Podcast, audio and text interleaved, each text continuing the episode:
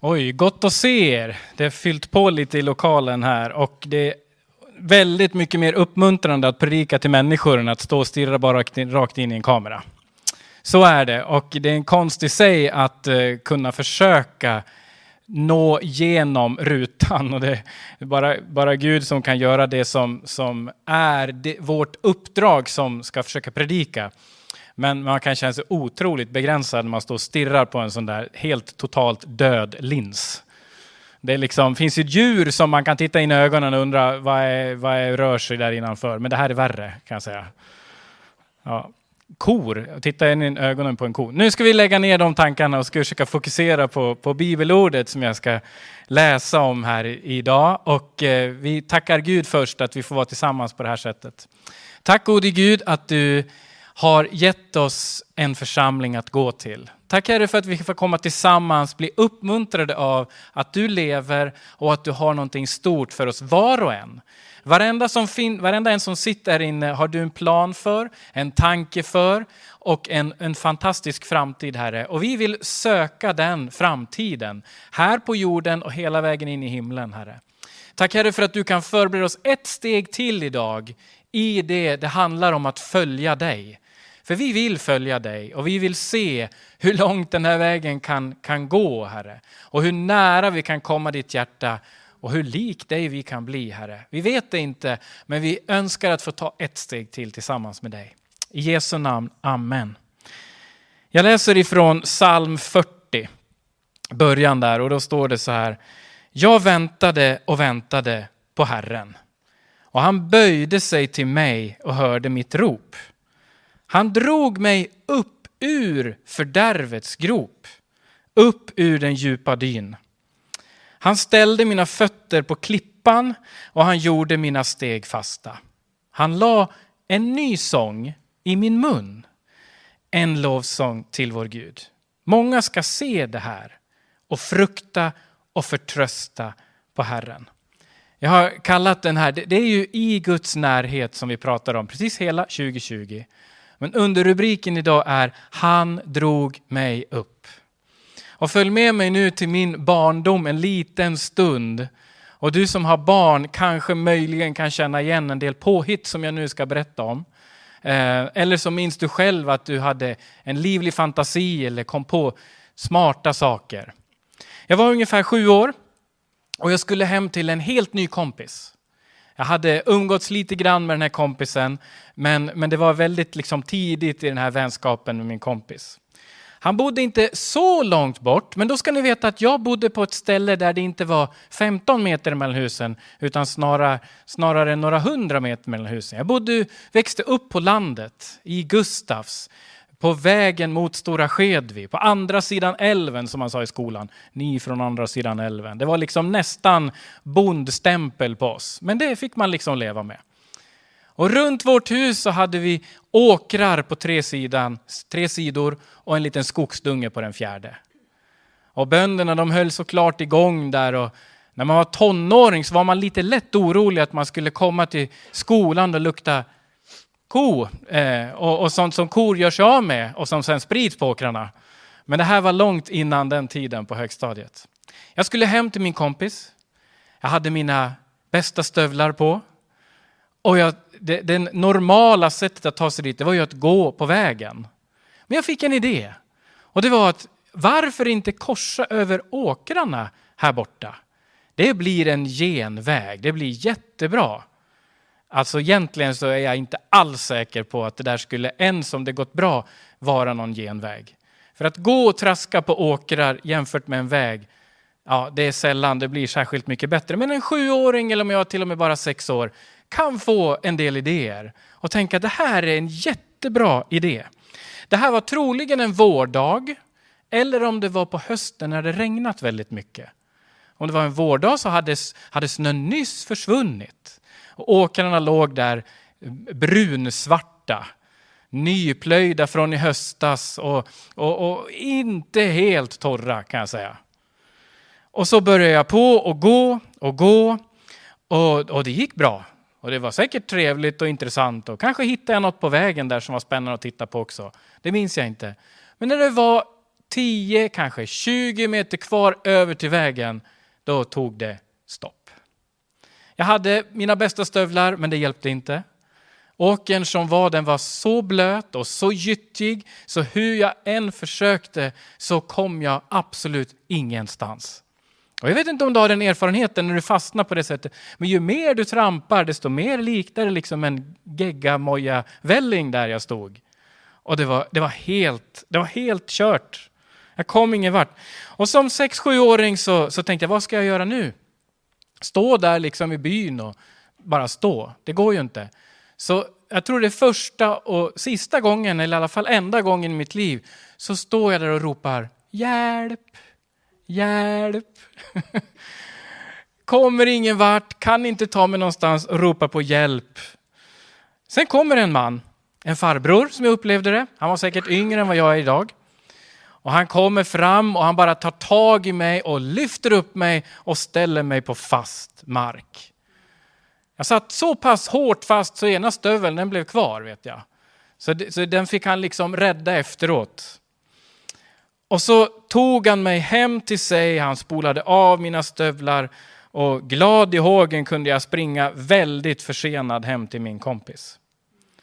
Jag frågade aldrig mina föräldrar om det här var en smart idé. Jag kanske anade att de kunde tycka något annat. Det kan till och med ha varit så att de har sagt, det får du inte göra. För klampa runt på andras åkrar var inte så populärt bland bönderna där kring. Ja, det gick bra den här gången. Jag hamnade på fast mark. Jag blev inte utskälld av den här farbrorn, utan han tog hand om mig på alla möjliga sätt. Och det liksom på ett sätt liknar den här saltarsalmen. Att jag ropade på hjälp. David är den som skrev psalm 40. David är den karaktär i Gamla testamentet som allt folket verkligen både såg upp till under hans regementstid och långt senare. Man mindes tillbaks och kom ihåg kung David, vilken tid vi hade. Vilket, vilket fantastiskt folk vi, vi var och vilket, vilket utrymme vi hade i landet och vilken framgång vi hade bland alla grannfolken. David, det är en sån vi vill ha igen. Och, och det beskrivs om David att han var en man av Guds hjärta. Och vad betyder det? Ja, du kan läsa en hel del om David och klura på hur kunde Gud själv liksom uttrycka sig så om David? Att han var en man av sitt eget hjärta. När han var ung, innan han hade liksom blivit kung och så här, så fick han träna på att ta hand om får. Det där var liksom inte piken på hans karriär. Det fanns liksom inte att lägga ut att nu har jag blivit, äntligen blivit fåraherde och få lite likes på LinkedIn. Utan det var, det var verkligen ett nybörjarjobb och någonting som, som man som ung fick liksom testa sig fram. Det var säkert inte så enkelt. Men det står på ett ställe i första Samuelsboken 17 och 28 hur, hur hans äldste bror Eliab, liksom, han blir upprörd över David. För David kommer fram och undrar, vem är det som hotar vårt folk? Vem är det som står där borta och skriker? Det här är berättelsen om Goliat. Och hans äldste son hör det och han, han bara utbrister, varför har du kommit hit? Det står att han är rasande. Till vem har du lämnat bort den lilla fårjorden i öknen? Det är liksom man hör hur äldste brorsan bara, gå tillbaks till de där fåren. Du hör inte hemma här. Du har ingenting med det här att göra. Du är alldeles för liten, alldeles för klen. Du har alldeles för lite med det här att göra. Det här är vår business. Gå och gör du ditt. Men David hade ett intresse för landet. Han hade intresse för folket. Han ville veta vad som hände. Och han utförde den här fåra jord, eh, fåraherde sysslan fantastiskt väl. Han skyddade de här fåren. Det står om hur han försvarade dem mot både lejon och andra rovdjur. Han, han såg till att de fick bete. Han förde dem på olika sätt där det var tryggt för de här fåren. Och på något sätt så blev det här en träningsläger, ett, ett träningsjobb för David att sen kunna få leda ett helt folk efter Guds hjärta. Och, och sen blev faktiskt David kung. Han blev utpekad till kung redan när han var väldigt liten. Elia blev det inte, storebrorsan blev inte utpekad. Gud sa till den som var profet, nej, nej, nej, nej. Du ska inte titta efter utseendet. Du ska inte titta efter om man är lång och reslig och verkar klok och verkar stark, utan du ska liksom, när jag säger till att det är rätt, då ska du välja den. Och Samuel smörjer väldigt tidigt David till kung, långt innan han i verkligheten blev kung.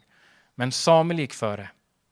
Och så där kan det vara för dig också, att Gud lägger ner saker i ditt liv som du inte har sett komma liksom i verkligheten än.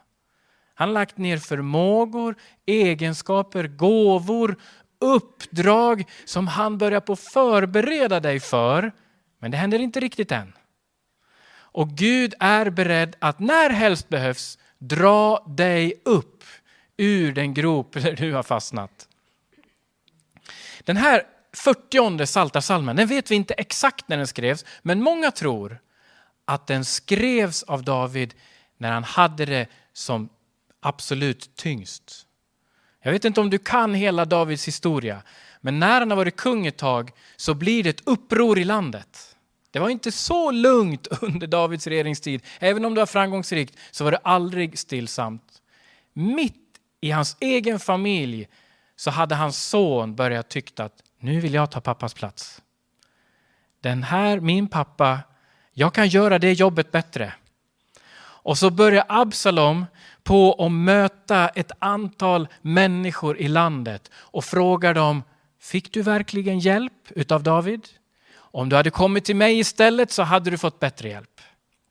Och det står beskrivet i andra Samuelsboken kapitel 15 att det här pågick i fyra års tid. En rejäl kris som blommade ut i ett fullt krig mitt i kungafamiljen. Och det här vet vi är bland det värsta som kan hända i våra liv. När vi i den allra närmaste familjen får liksom ett fullskaligt krig med anklagelser som viner i luften och, och, och det liksom finns inte kvar någon trygghet. Därför att vi fungerar så att vi vill ha människor runt oss där vi bara slappnar av. Där vi känner oss trygga, där vi känner oss glada, där vi är accepterade, där vi känner att här trivs jag och här åker axlarna ner bara för att jag kliver in genom dörren. Men när det där bryts, när vi hör och ser hur människor anklagar dig eller mig, när vi ser hur, hur när vi inte längre är säkra på våra allra närmastes kärlek eller omsorg, när det blir ett presterande in i den allra närmaste familjen och det kanske bryter och bänder, då tär det på dig och mig. Oavsett om du har gått med Gud i många år eller inte, så tär det på dig och mig. Och, och det här är, det är bara en realitet och ack så vanligt. Vi satt här igår, eh, 15 stycken par och lyssnade på Johan och Linda Odén som vi hade uppkopplad från Skottland och som bara bjöd på sina egna liv och hur illa det har varit i deras liv under en period. Och där de båda var fullständigt övertygade om att det här går inte. Det här kommer att krascha. Det här kommer inte att bli någon fortsättning på vårt äktenskap. Men där människor fick komma in och peka på ett antal saker och med Guds stora nåd så fick de se att deras liv kunde fortsätta tillsammans. Det är inte alltid det blir så, jag vet det. Och jag vet att det alltid finns, tack Emanuel, jag vet att det alltid finns en nåd och en barmhärtighet från Gud själv även när det går sönder saker. Jag vet det. Men det är också fantastiskt och så hoppfullt att se och höra hur människor kan få möta och se att någonting kan helas även när det är fullständigt svart och mörkt i det allra närmaste. Och jag skulle vilja eh, uppmana dig och mig att prioritera våra egna familjer. David, han måste fly för att sonen har gjort på det här sättet. Att i fyra år liksom fört ett indirekt krig mot pappa själv. Han har pratat illa om pappa. Han har, han har liksom påstått att han kan göra det här jobbet bättre. Det är snart dags för David att kliva undan. Jag kan, jag kan. Och så har han kopplat sig mot många israeliter. Och på en viss signal så börjar de gå mot Jerusalem och David måste fly. Och sen fortsätter det här, det blir som ett krig, det blir som ett, eh, ett uppror. Och det avslutas med att Absalom faktiskt dör. Och jag är så tacksam till Gud för att återigen kan vi se hur David har ett hjärta efter Herren. För hur reagerar David? Blir han glad? Jublar han? Ställer han till fest? Nej, han skriker och vrålar. Min son, min son, om jag kunde byta plats med dig. Det är en man av Guds hjärta. Det är en kung som kan samla sitt folk. Och mitt i detta så skriver han psalm 40. Jag väntade och väntade på Herren. Han böjde sig till mig och hörde mitt rop. Han drog mig upp ur fördärvets grop, upp ur den djupa dyn. Det är så spännande också, för David, en man av Guds hjärta, är en oerhört tydlig bild av Jesus Kristus. Om det är någon som du ska titta på i Bibeln så kan du titta på David. Men han är, efter att han dör och efter att det går någon generation, så det enda folket ropar efter är, när kommer Davids son? Alltså en som är lik David. En som har ett hjärta som går efter Gud. Och så kommer Jesus till slut och han blir precis det som, som eh, är liksom förebilden David, fast Guds egen son och för ut räddning till till och med oss här i Gävle. David han håller sig nära Gud. Han har inte bara har ett hjärta av Gud, han fortsätter att hålla sig nära Gud. När han var ute med fåren så tog han med sig ibland en sån här, vi vet inte hur den såg ut, en typ en harpa och spelade. Och när du läser saltarsalmerna så ser det ut att vara kanske 100-125 utav de saltarsalmerna som David har skrivit. Då kan vi läsa och se och förstå hur han ägnade tid åt Gud. Han inte bara gick med fåren och, och, och liksom gjorde sitt jobb och försökte prestera så gott han kunde, utan han verkade ägna tid åt Gud. Han verkade söka Gud på riktigt. Han verkade söka Guds närhet på riktigt. Och det färgade honom. Man kan se att mitt i det här familjekriget med Absalom, på ett annat ställe så står det i psalm 3, jag ropar högt till Herren och han svarar mig från sitt heliga berg. Jag la mig ner och somnade, jag vaknade, vaknade igen för Herren stöder mig. Jag fruktar inte 10 000 man som omringar mig från alla håll. David har liksom en uppfattning om Gud därför att han umgås med Gud. Han har liksom en kunskap om Gud, inte för att han bara läser ordet utan därför att han sjunger lovsång till Gud. Och på det sättet umgås och har en relation med Gud. Och på det sättet färgas och ser Gud tydligare och tydligare i sitt liv. I psalm 23 så står det, han leder mig på rätta vägar för sitt namns skull. Och det här är en av de nycklarna som jag kan se att varför ska du och jag ta loss tid i våra liv och ägna åt att söka Gud? Varför ska vi komma nära Gud? En av de nycklarna är att Gud vill så gärna tala med dig. Det handlar inte om att blidka en avlägsen Gud långt bort, utan det handlar om att han väntar på dig längtar efter dig för att få umgås med dig. Och i att umgås med dig och mig så handlar det också om att få berätta om sig själv och din framtid. Det är en god Gud vi har mina vänner. Det är en stor Gud vi har, men som också bryr sig om dig och mig och vill få informera dig, berätta om dig, om hans planer för ditt liv. Och det här verkar David ha förstått och sett att jo, jag vill fortsätta följa Herren. Jag vill fortsätta gå med honom. Han leder mig på rätta vägar för sitt namns skull. Jesus säger samma sak i stort sett. Johannes 5 och 19. Jag säger i sanningen, sonen kan inte göra något av sig själv utan bara det han ser fadern göra. Vad fadern gör, det gör också sonen. Jesus var också beroende av att sätta av tid med Gud själv. För att blidka honom, för att liksom be Fader vår tusen gånger och liksom försöka få honom på gott humör. Nej, för att ha relation med Gud själv. För att vara i Guds egen närhet och få höra, nu är det dags. Nu ska du gå. Nu ska du gå till Genesarets sjö. Nu ska du predika på det berget. Jesus var fullständigt beroende av pappa Gud för att få se vad som var nästa steg. Och varför, om David och Jesus själv var beroende, varför skulle du, då inte du och jag också behöva emellanåt sätta av tid för att umgås med Gud? Inte för att blidka honom, inte för att han ska bli på gott humör, utan för att du ska få uppleva att Gud är en realitet, en verklighet. Och en som vill både berätta om vem du är och han är och visa din morgondag. Min fråga till mig och till dig. Måste du och jag fastna i den leriga åkern innan vi på allvar börjar ropa? Måste vi det? Här finns det en viktig men jättesvår konst. Och vet du vad den heter? Att vänta. Ja. I inledningen på psalm 40 så stod det, jag väntade och väntade på Herren.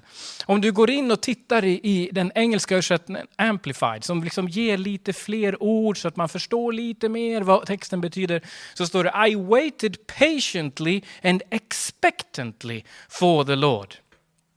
Alltså, jag väntade tålmodigt och jag väntade förväntansfullt.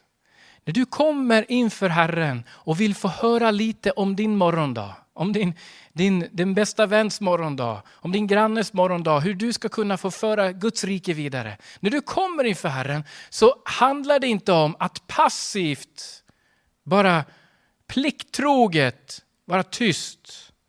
Utan du kan få komma inför Gud tålmodigt. Klarar du det? Och du kan få vänta med förväntan på att Gud själv vill tala in i ditt liv, in i mitt liv. Du kan få komma med förväntan om att han har ett stort intresse för dig. Och man kan tänka så här. Det är inte svårt att vänta och ropa när fötterna sitter helt fast. Även en sjuåring förstår att häva upp sin lilla röst mitt i leråkern och bara ropa hjälp. Men tänk om du och jag kan få förstå, vi som är vuxna, de flesta av oss här inne i rummet, att vi behöver det här utan att sitta helt fast. I slutet av min predikan så ska jag hjälpa dig, eller tillsammans med dig så kommer jag ropa ut ett hjälp till Herren. För det kan hända att du känner att du fastnat i den här gropen.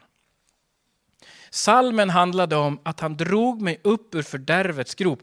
I återigen Amplified står det a horrible pit, en förskräcklig grop. Och, och den, det står också förklarat en, a pit of tumult and destruction, alltså en grop där det finns oro och destruktivitet. Och det kan säkert finnas någon av er som tittar på webben eller sitter här i lokalen som upplever att jag har precis på det sättet fastnat i en djup djup grop. Och då vill jag tillsammans med dig ropa ett hjälp till Herren i slutet av min predikan. För han vill dra dig upp och ställa dig på fast mark.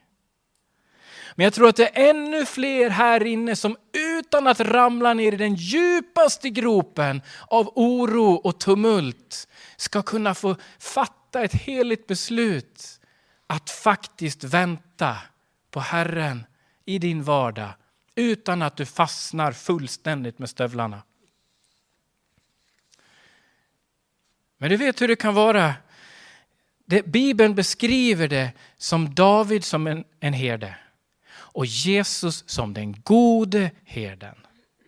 Och vi är liksom, David han visste hur han skulle föra fåren till säkert bete. Försvara den här fårskocken. Jesus säger själv, jag är den gode herden. Och då innebär det, vad är vi då vi?